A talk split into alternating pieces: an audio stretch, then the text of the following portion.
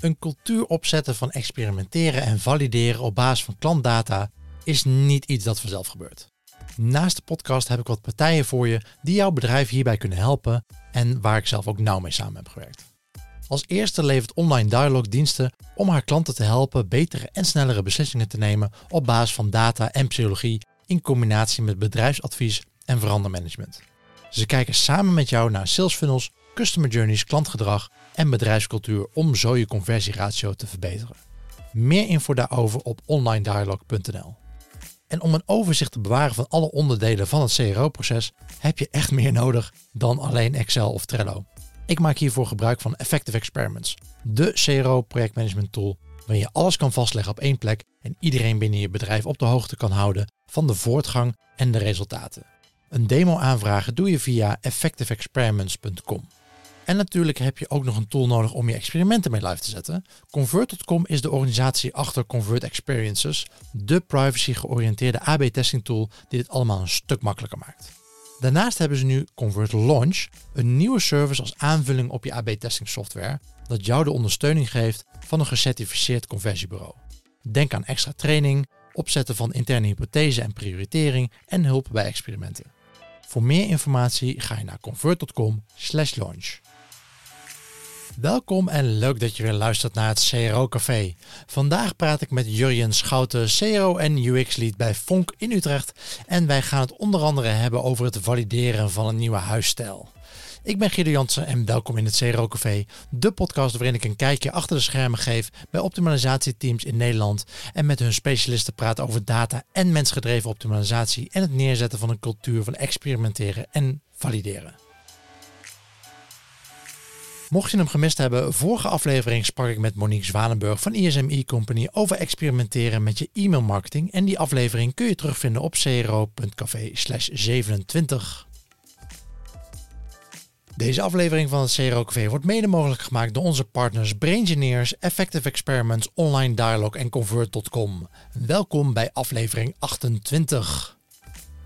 Ja, Jurjen, erg leuk dat ik jou in het café mag ontvangen. En uh, ja, je bent maar liefst acht jaar al werkzaam bij Fonk. Uh, dat is best wel lang in onze industrie. En ik ben wel benieuwd hoe dat in al die jaren tot je huidige rol als CRO en UX-lead heeft geleid. Ja, ja dat uh, kan ik wel even uitleggen. Als eerste, uh, dankjewel voor deze uitnodiging in je altijd gezellige café. Als ik dat hoor, hoe gezellig het altijd is, dan wil ik daar graag deel van uitmaken. Ja, bij deze. Ja, dankjewel. Um, ik ben eigenlijk na, tijdens mijn stage, of tijdens mijn studententijd stage gelopen bij toen nog Mail Solutions. Dat was in 2010. Um, Vonk was toen nog niet zo bekend. Sterker nog, het merk bestond niet. En ik heb eigenlijk, ja, toen leerde ik sowieso pas e-commerce pas net kennen. Um, en dat was in de tijd dat Milder Solutions nog allemaal niche shops had. Uh, en daar ben ik op de online marketing afdeling terechtgekomen. Ja. Um, en daar heb ik eigenlijk ja, de, de eerste ja, vakken leren kennen. Dus uh, CEO, CA, uh, in die tijd werd ik langzamerhand, toen ik daar een contract kreeg, verantwoordelijk voor uh, diverse uh, niche shops. Heb daar de advertising voor gedaan. En, um, maar dat was uiteindelijk niet mijn passie. Ik heb digitale communicatie gestudeerd in Arnhem. En mijn passie ging eigenlijk altijd naar het optimaliseren van het platform zelf. Um, en na een jaar of vijf heb ik die mogelijkheid gekregen om dat bij Fonk te gaan doen. Uh, dat was ook het moment dat we van Milde Solutions naar het uh, merk Vonk gingen. Um, en daar, ja, daar was niemand voor, voor conversieoptimalisatie voor. En er was wel wat, het had al in Nederland al wat meer bekendheid. Um, maar bij Vonk was er niemand die dat uh, deed. Dus die kans heb ik gekregen en die heb ik ja, beide handen aangegrepen. Kijk, ik heb dat in een jaar vijf gedaan, waarbij ik in het begin geholpen ben door Google. Jordan Lens heeft mij de eerste stap in het vak ja, leren, hoe noem je dat, aan de, aan de, aan de hand genomen ja. eigenlijk. Um, super waardevol, in een jaar heel veel geleerd. Uh, en wat hij me eigenlijk het meest geleerd heeft, is van zorgen ervoor dat het een duidelijk proces is. En dat je uh, heel snel ja, draagvlak creëert voor het werk wat je doet. Omdat heel veel ja, collega's of mensen waarschijnlijk niet direct de meerwaarde ervan in gaan zien. Uh, nou, die samenwerking met Jordan heeft een jaartje geduurd. En toen heb ik het eigenlijk ja, zelf opgepakt. Dat heb ik een jaar of drie gedaan, zo uit mijn hoofd. En sinds vorig jaar april eigenlijk de kans gekregen om een uh, klein team op te bouwen uh, in Vonk. Waarin CRO, ja, een, uh, waarin we CRO eigenlijk met z'n drieën doen en zorgen voor een continu proces van optimalisatie. En dat is eigenlijk dus ja, de status hoe het, er, hoe het er nu voor staat. Ja, ik probeer Jordan al een tijdje te strikken voor de podcast. Maar ja, boeking en uh, legal en zo. en, uh... ja, dat werkt niet. nou ja, gaat, gaat nog even duren, denk ik. Ja. Maar uh, het komt vast wel. Um, want hij, hij wil het vooral over de, de, dood van het hamburgermenu hebben, volgens mij. Oh ja, dat begon hij ook al toen dan mee te... ja, precies. Precies. Hey, we spraken al eerder elkaar in, in, in deze podcast. jij was ook bij, bij Immers Live, waar we een uitzending deden. Ja. Uh, en daar vertelde hij ook dat um, uh, bij Fonk ja, eigenlijk jouw werkzaamheden vallen onder het productteam en niet het, uh, ja, ja, vallen onder het productteam, punt. bij de meeste bedrijven, en ik deed net ook even een, een poll op de Facebookgroep voor het CRO-café, van ja. oké, waar, waar vallen de CRO-werkzaamheden bij jou in het bedrijf? of als je bij een agency zit, waar valt dat bij de meeste klanten? En veruit het meest populaire antwoord is daar marketing. Ja. ja, dat is bij jullie dus anders. Kun je daar wat over vertellen? Nou, dat is niet helemaal waar. Dat is eigenlijk ook zo. Oh, ook zo? ja, dus product UX valt weer onder marketing. Oké, ja. Uh, uh, ja, wij zijn onderdeel van de marketingafdeling. Het bestaat uit uh, performance marketing, content communicatie, een stukje brand en product en UX. Uh, we zijn drie verschillende pijlers. En product en UX is daar dus één pijler van. En wij zijn eigenlijk ja, wel een klein team met zes FTE. twee product owners, nou, ik als lead UX CRO. Uh, en we hebben nog een junior conversion specialist en een uh, UX designer. Met dat team van zes zijn we eigenlijk verantwoordelijk voor de hele ja, platform development van heel Fonk. Dus dat is ja, best wel een klein team met veel verantwoordelijkheden en veel ja, kansen en uitdagingen. Maar de meeste productteams zijn behoorlijk gefocust op, op functionaliteiten en, en, en technische doorontwikkeling van iets. het productteam wat jij omschrijft, dat, dat klinkt heel erg als een, als een CRO-team. Dat klopt, dat, we, dat wil ik graag zo uitdragen. In werkelijkheid valt dat wel, wel een beetje tegen. We zijn ook wel heel erg veel bezig met het, uh, uh, of tenminste vanuit mijn team bieden we heel veel ondersteuning voor de, de complexere projecten. Die we bij moeten dragen aan de businessdoelstellingen. Ja. Um, maar sinds een jaar, sinds, dat, sinds we het team hebben gestart eigenlijk, proberen we wel altijd echt tijd te reserveren voor pure kleine iteraties, improvements die we ook echt op basis van klantinzicht hebben gedaan. Ja. Dus voor, ja, voor je beeldvorming, het is altijd wel uh, werk eigenlijk op de CRO UX team werkt op twee niveaus. Uh, improvements en projecten, waarbij de product owners, die aan de andere kant van het product UX team, uh, ook nog een stuk onderhoud met zich meedragen. Oké. En jullie hebben een bepaald budget bij development om dat uit te voeren? Ja, ja het development is, is extern. Um, en in principe is dat ja, op, natuurlijk op boekjaarbasis wel een vastgesteld budget, maar daar hebben wij eigenlijk geen in die zin geen directe omkijken naar. Um, er is altijd ruimte voor improvements. Het gaat meer om de, het feit dat we vaste uren hebben gereserveerd voor uh, de improvements die we willen. Ja, oké. En, en, en voor context, uh, wat, voor, wat voor andere teams bij, uh, bij Fonk zijn dan de teams waar jullie vooral mee moeten samenwerken? Als het gaat om, om CRO en UX. Um, dat is een goede vraag. Wat wij nu vooral proberen te doen is onze, de kennis die wij hebben um, ja, ook weg te zetten bij de andere teams. direct hebben wij heel veel contact met de andere marketingteams, dus performance marketing of campagnes. Ja. Uh, die steunen wij vanuit uh, klantinzichten of vanuit, vanuit de data. Bijvoorbeeld als we nieuwe campagnes online zetten, daar zit best wel wat snelheid achter.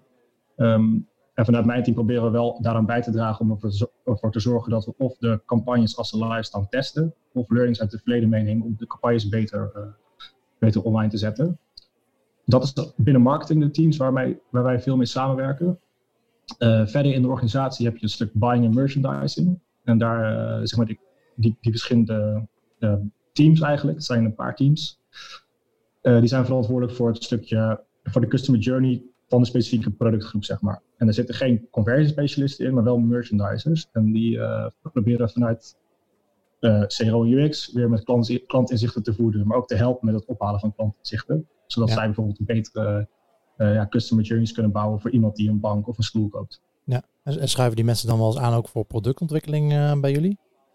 Uh, ja, zeker. Dat zijn ook wel teams die input leveren op de, de dingen die wij moeten ontwikkelen. Ja. we weten bijvoorbeeld dat als je een bank koopt, is zitcomfort heel belangrijk. nou, samen met die betreffende merchandiser of dat team gaan we dan bedenken hoe kunnen we ervoor zorgen dat we iets ontwikkelen waardoor we zitcomfort beter uit kunnen leggen op, op, Ja. eh, op de website. Ja. Nou, de lastigheid daarin zit hem wel dat ja, je wilt, we zijn één team verantwoordelijk voor alles en je wilt één probleem oplossen. Maar ja, dat is dat, ja, is dat in je prioritering is dat dan misschien weer te weinig impact die je gaat doen.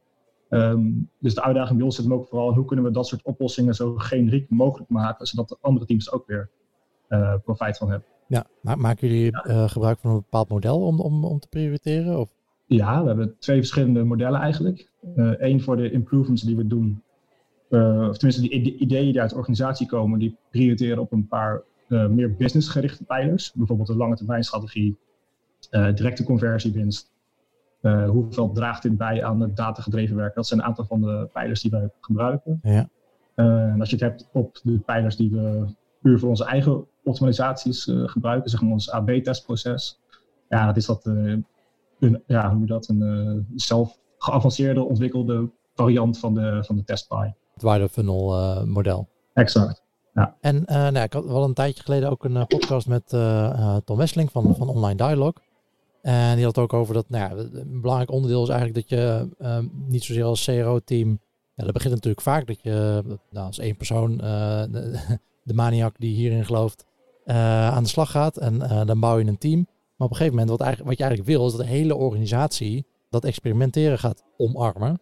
En ook dat Ja. bleek uit die Facebook-poll eh, van vanmorgen. Van, ik vroeg niet alleen van waar zit CRO in, in je bedrijf, maar waar zou het moeten zitten?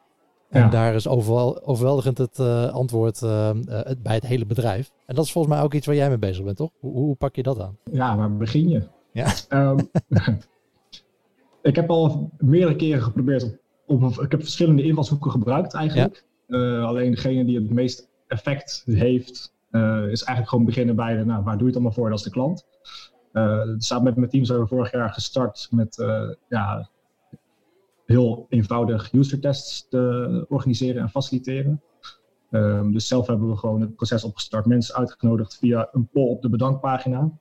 Er kwam superveel respons op en mensen ja, zijn voor een, ja, voor een giftcard van 50 euro wel bereid om eh, ja, mee te doen aan user tests bij ons op kantoor. Ja, in de vorige aflevering zei je, er kwamen echt een paar honderd mensen in een paar dagen op af, toch?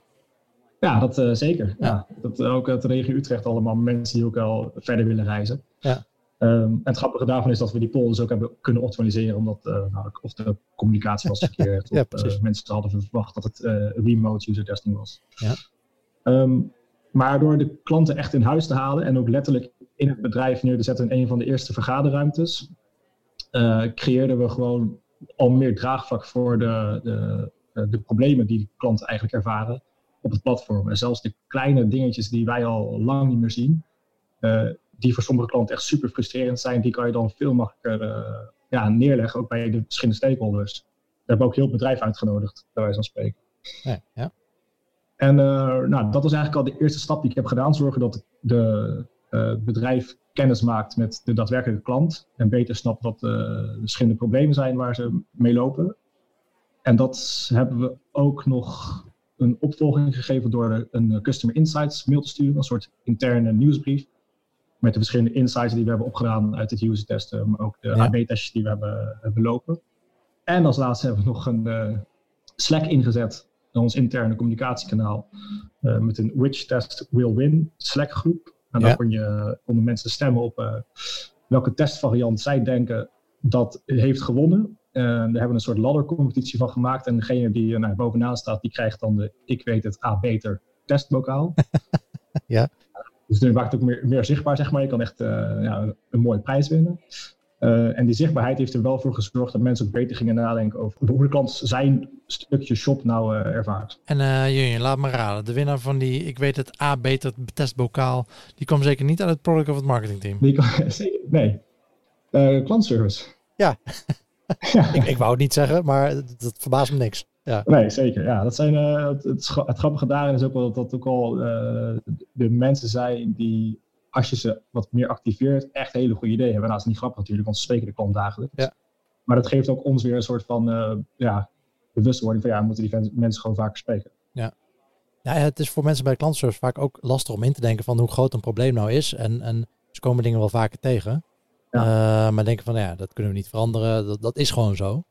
Is een Uh, omgeving. terwijl als jij ernaast zit, dat je denkt van ja, maar wacht even, dit is iets dat ik in twee uur gefixt kan hebben. Dan krijg je die vraag Ja, nooit meer. Ja, ja. Maar dat is nog niet. eh, ja, het uiteindelijke doel is wel om iedereen, of nou iedereen, zoveel mogelijk mensen zelf eh, experimenten te laten draaien op het platform. Ja.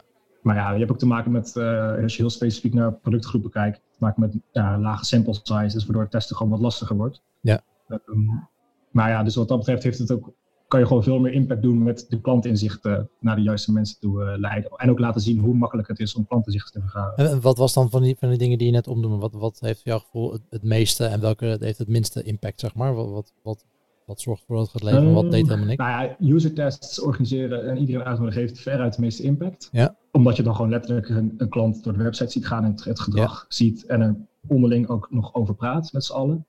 Is het dan echt live dat je die mensen uitnodigt? Of, of ze krijgen zo nog een filmpje achteraf en eh, kijken ze dat?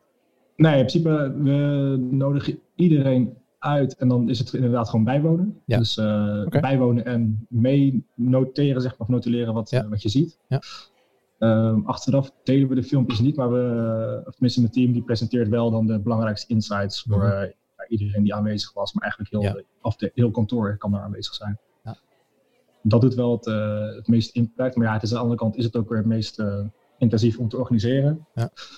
En het, eh, maar het is echt wel een super waardevolle bron voor klantinzichten. Ja. En wat dan het minste impact waarvan je dacht van, nou, hiermee gaan we iedereen helpen, maar geen navolging. Het minste impact is de, ik denk de, ik weet het A beter, bokaal, omdat het gewoon een fun element is. En meer de, ja, de spelelement toevoegen aan het, aan het, aan het vakgebied. Ja. Maar of je daar dan mensen daadwerkelijk mee gaat laten testen, ja, niet echt. Het is allemaal best wel eh, korte termijn eh, insights.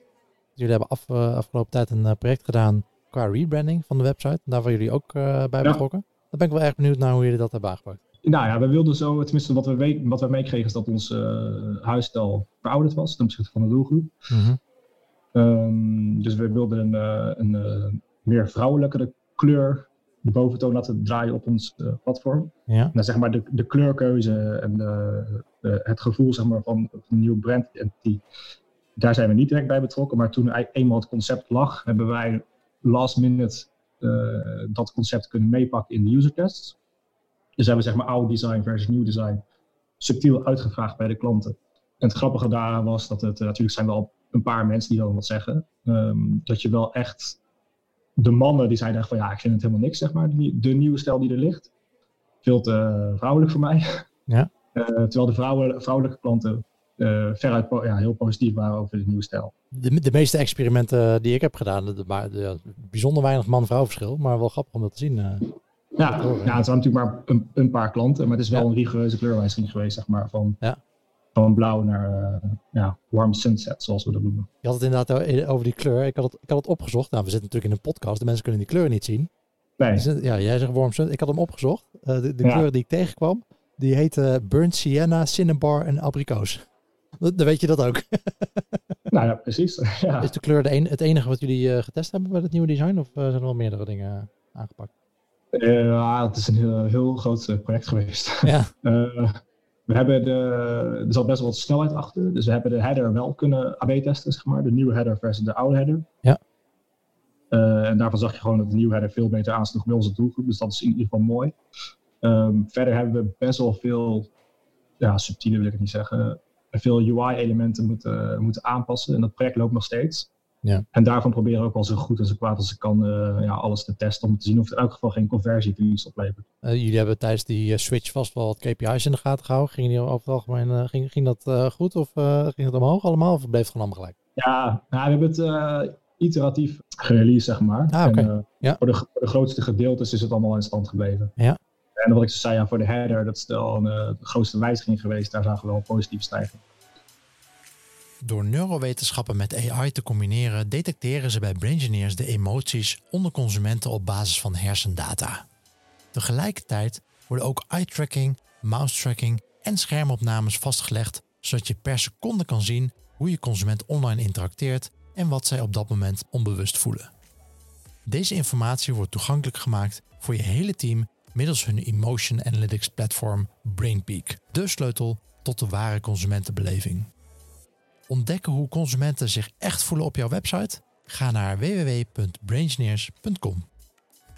Nou, ik ben nog wel bezig geweest om inderdaad een stukje kwalitatief klantonderzoek uh, door te trekken naar meer kwantitatief klantonderzoek op de verschillende buying en merchandising teams. Ja. En wat we daar eigenlijk zien is dat we heel veel. Uh, ja, ons platform is natuurlijk heel generiek opgebouwd. En we hebben ja, duizenden verschillende producten en honderden verschillende productgroepen. Uh, ja. Dat betekent dat het platform eigenlijk heel ja, generiek is. Maar dat wil niet zeggen dat dat op de productpagina's of voor de specifieke journeys de juiste oplossing is.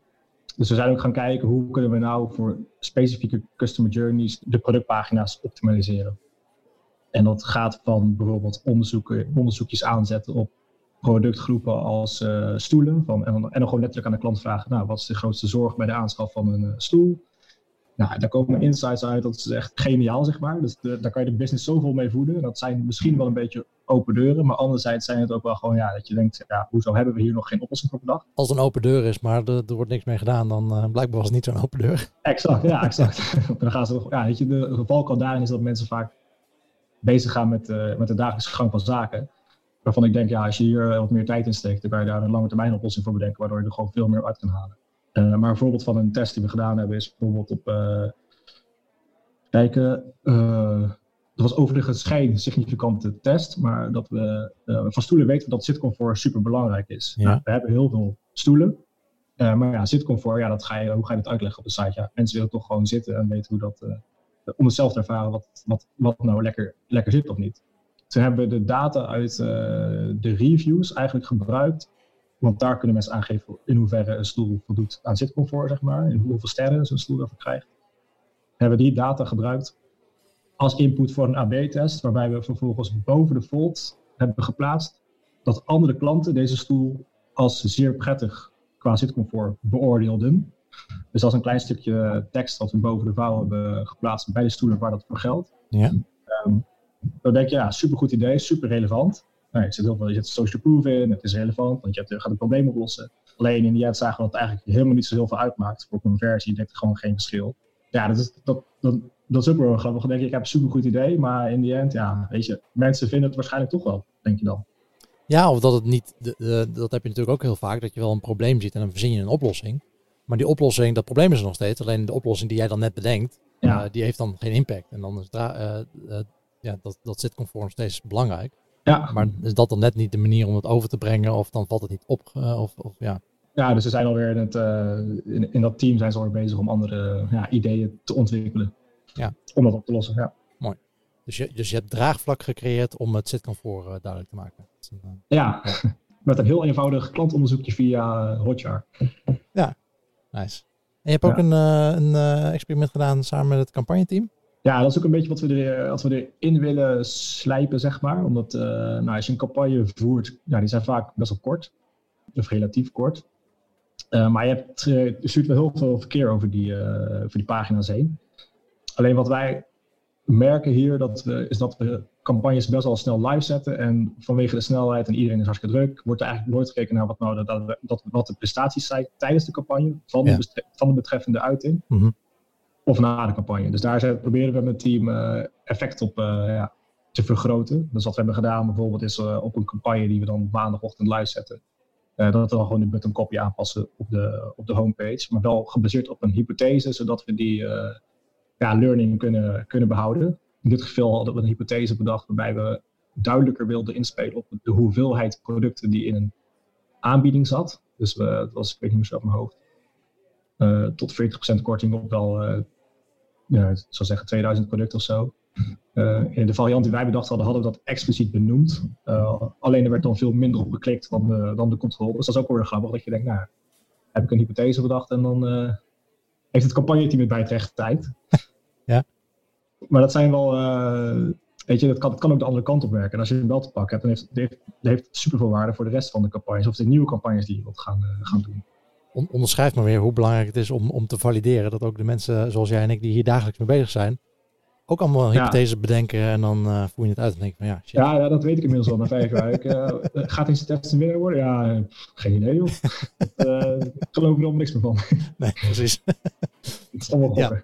ja. je, moet, je moet wel sterk in je schoenen staan als uh, CRO-specialist, want continu wordt je eigen, eigen hypotheses onderuit gehaald. Ja. ja, nou ja, maar goed, weet je, als je... Het gaat om het proces. Het gaat om het proces en het, het feit dat je kan experimenteren. En zolang je goede hypotheses hebt, dan leer je er altijd wel van, denk ik. Ja. En tot je een keer een goede knaller te pakken hebt, ja, dan sta je, sta je weer een stuk beter op je schoenen. Ja, dan ben je de held. Ja, precies. Ja. Maar zoals we altijd, hè, dat is een topje van de ijsberg. De rest van het werk zien ze niet. ja. Maar het is wel belangrijk om bij dat topje überhaupt te komen inderdaad. Dat je die goede basis hebt. Hey, wat, is, wat is het lastigste onderdeel van het werk? Nou ja, wat ik zei, we zijn een klein team. En we hebben heel veel uh, ja, ballen die we eigenlijk in de lucht moeten houden. Alle improvements die we moeten doen over het platform, uh, die moeten we prioriteren. Alle projecten die we doen, daar moeten we tijd voor reserveren. en eigenlijk, enerzijds is dat natuurlijk het feit dat er zoveel input komt vanuit de organisatie is een uitdaging, maar het is ook een goed teken dat mensen gewoon wel, of tenminste dat collega's ook de meerwaarde zien van product development. Maar het zorgt er wel voor dat we steeds strenger moeten prioriteren en uh, eigenlijk ook veel meer tijd kwijt zijn aan het prioriteren zelf. In plaats van uh, uh, nou echt ja, voor, de, voor de klant blijven optimaliseren. Dus de grootste uitdaging is eigenlijk hoe kunnen we ervoor zorgen dat we nog steeds de meeste, de meeste impact doen met de dingen die we doen, Waarbij we ook nog de klant niet uit het oog verliezen.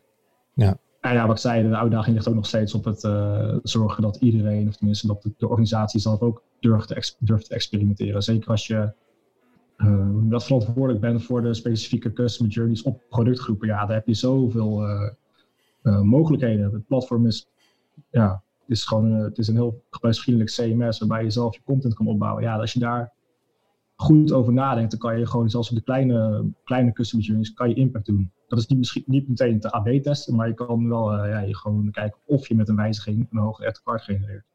Doen jullie aan uh, personalisatie? Is dat, een, uh, is dat iets wat jullie op grote schaal toepassen? Of is het vooral nog one size fits all? Ja, het is redelijk one size fits all. We hebben wel wat logica in personalisatie erop zitten. Ja. maar het gaat niet verder dan um, een paar, ja, hoe dat, horizontale product sliders, zoals we die noemen, die dan, waar dan een paar gepersonaliseerde producten in staan. Ja. Op basis van je eerdere bezoek en soortgelijke producten. Lijkt me ook een hele lastige voor jullie. Want ik, uh, uh, nou ja, als ik jullie website bezoek, ik heb ook bij een merchant uh, gewerkt in, in de giftinghoek. Ik denk dat jullie ook wel redelijk, on, ja, redelijk bezoek krijgen die, van mensen die iets aan iemand anders willen geven. Ja. Dat is een ontzettend lastige doelgroep om te, om te personaliseren. Want ja, vandaag willen ze voor, voor iemand anders wat kopen dan morgen. Dus. Super lastig. Ja, het is wel zo dat, dat we die, die hoek wel wat meer zijn, wat, wat minder uh, prio heeft bij ons. Dus ja. we willen zeggen wel steeds meer richt op uh, wonen, het wonensegment. maar zeker sinds de, in de cadeauperiode, einde, einde van het jaar, ja, dan wordt die, dan wordt die doelgroep wel belangrijk. En wat we, daar, ja, wat we daar wel voor hebben is, oh sorry. Jullie hebben tuinmeubelen, verlichting, koken en tafelen. Uh, stoelen. Uh, dat is inderdaad allemaal wonen, maar dat zijn allemaal dingen die, die ouders aan hun kinderen willen geven, toch? Dat, dat hoop ik wel, ja. Of omgekeerd. Ja. Ik denk dat er genoeg gifting opportunities zijn, inderdaad. Ja, ja nee, dat, blijft, dat blijft sowieso lastig. Daarom zitten we ook, ja, weet je, we hebben wat kleine dingen voor personalisatie online staan. Maar een, een volledige strategie, ja, dat weten we gewoon niet. We weten gewoon niet hoe we dat moeten aanvliegen.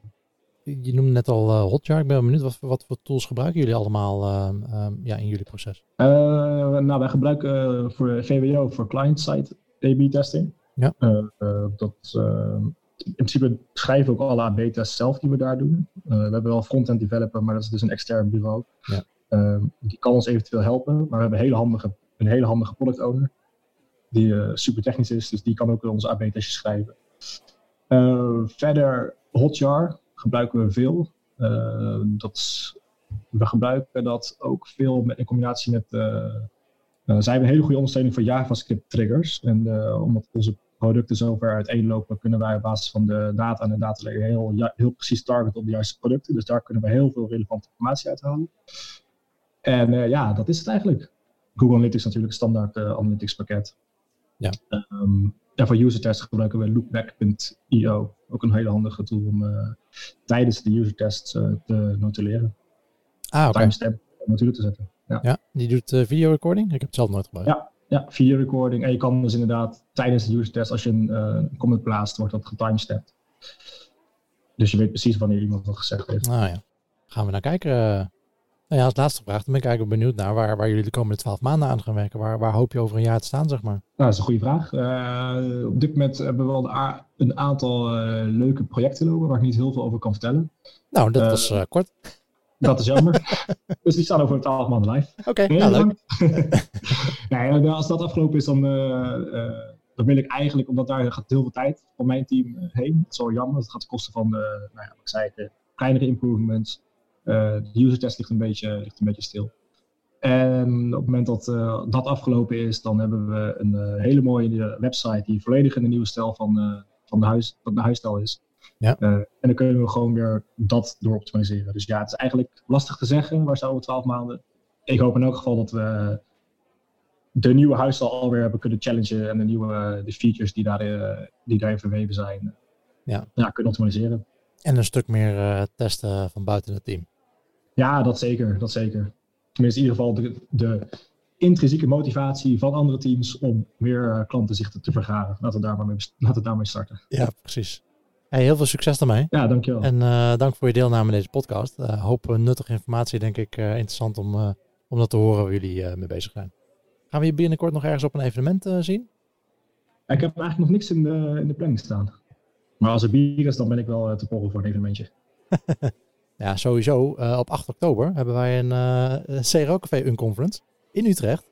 Om de hoek. Ja, ja. ja. Bij, bij Online Dialogue. 8 oktober, hè? Ja. 8 oktober. Zet, zet, hem in je agenda. Ben ik bij. Heel goed. Hey, dankjewel. En uh, we spreken elkaar wel weer. Yes, is goed. Dankjewel Guido. Is goed, dankjewel. Hoi hoi. Zometeen ga ik je vertellen waar de volgende aflevering over gaat. Maar uiteraard eerst nog de wekelijkse Neuronugget met Filip Jordanov van Neurofight Academy.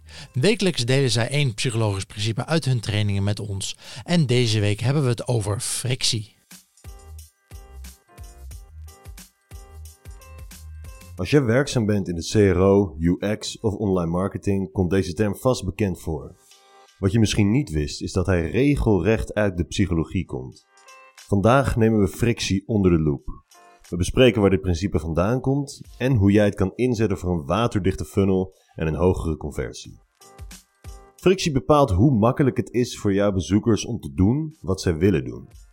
Als de frictie hoog is in jouw website, app of platform, gaan jouw bezoekers op zoek naar een manier om die frictie te vermijden.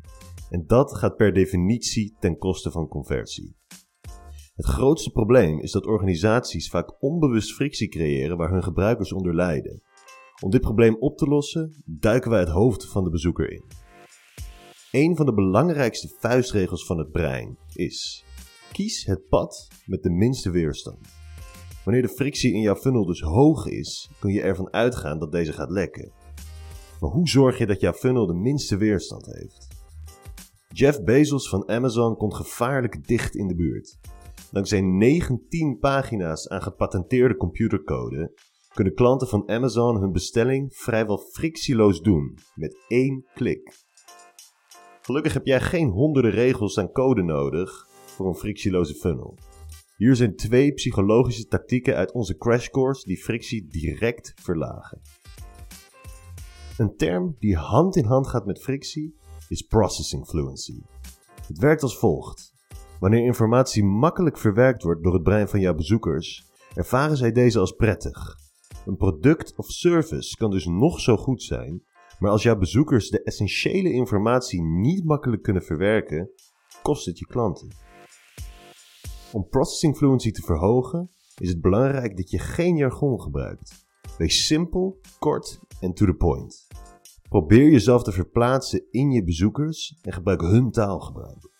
Ook is het belangrijk om voldoende witruimte en visueel beeldmateriaal te gebruiken. Dit wordt namelijk sneller verwerkt dan alleen tekst. Ook blijkt performance een grotere rol te spelen dan wij vroeger dachten. Uit recent onderzoek blijkt dat wanneer een pagina langer dan 3 seconden moet inladen, de ervaring van frictie omhoog schiet. Zo merkte Tele2 op dat elke seconde extra laadtijd een conversiedaling van meer dan 3% betekent. Dit valt weer te verklaren aan de hand van processing fluency. Als het brein klaar staat om informatie te verwerken, maar deze informatie is er nog niet, ervaart de bezoeker deze al vooraf als negatief. Om dit te voorkomen kun je overwegen een Web Component Framework te gebruiken. Hiermee optimaliseer je jouw performance en elimineer je onnodige frictie. In onze Brain and Behavior Crash Course behandelen we een scala vol aan psychologische tactieken om frictie te verlagen en motivatie te verhogen. Daarnaast krijg je toegang tot onze Behavioral Change Database met meer dan 200 tactieken. Dit zijn de drie dingen die je moet onthouden over frictie. Frictie is een psychologisch principe. Veel organisaties creëren onnodig frictie dit gaat ten koste van conversie. Processing fluency is het gemak waarmee informatie door het brein van jouw bezoekers verwerkt wordt. Door jargon te vermijden, toegankelijk te schrijven en ook visuals te gebruiken, verhoog je processing fluency en verlaag je frictie. Daarnaast is performance ook belangrijk. Elke seconde die een pagina nodig heeft om te laden, gaat ten koste van conversie. Overweeg daarom te investeren in een Web Component Framework. Hiermee verzeker je een hoge performance. Volgende week behandelen we een onderwerp dat sterk verbonden is aan frictie, maar misschien nog wel belangrijker is, namelijk motivatie. Tot dan! Dankjewel Philip voor je wekelijkse Neuronugget. En dit was aflevering 28 van het CRO Café met Jurjen Schouten van Fonk. Mocht je de podcast nu zo leuk vinden dat je zakelijk of privé partner van de podcast wil worden, dat kan. Voor meer info ga je naar cro.café partner. Volgende week zit ik in het café met Martijn Schijbeler. Hij woont al een tijd in de VS en is VP Marketing bij RV Share, een website waar je campers en motorhomes kan huren en verhuren. Hij leidde voorheen het SEO-team bij Postmates en was daarvoor verantwoordelijk voor de marketing bij The Next Web. In de uitzending praten we uiteraard over zijn werk en hebben we het over de verschillen die hij ziet tussen CRO in de VS en Europa en hoe dat een weerslag heeft op zijn werk. Hoe dat gaat hoor je in aflevering 29. Tot dan en always be optimizing.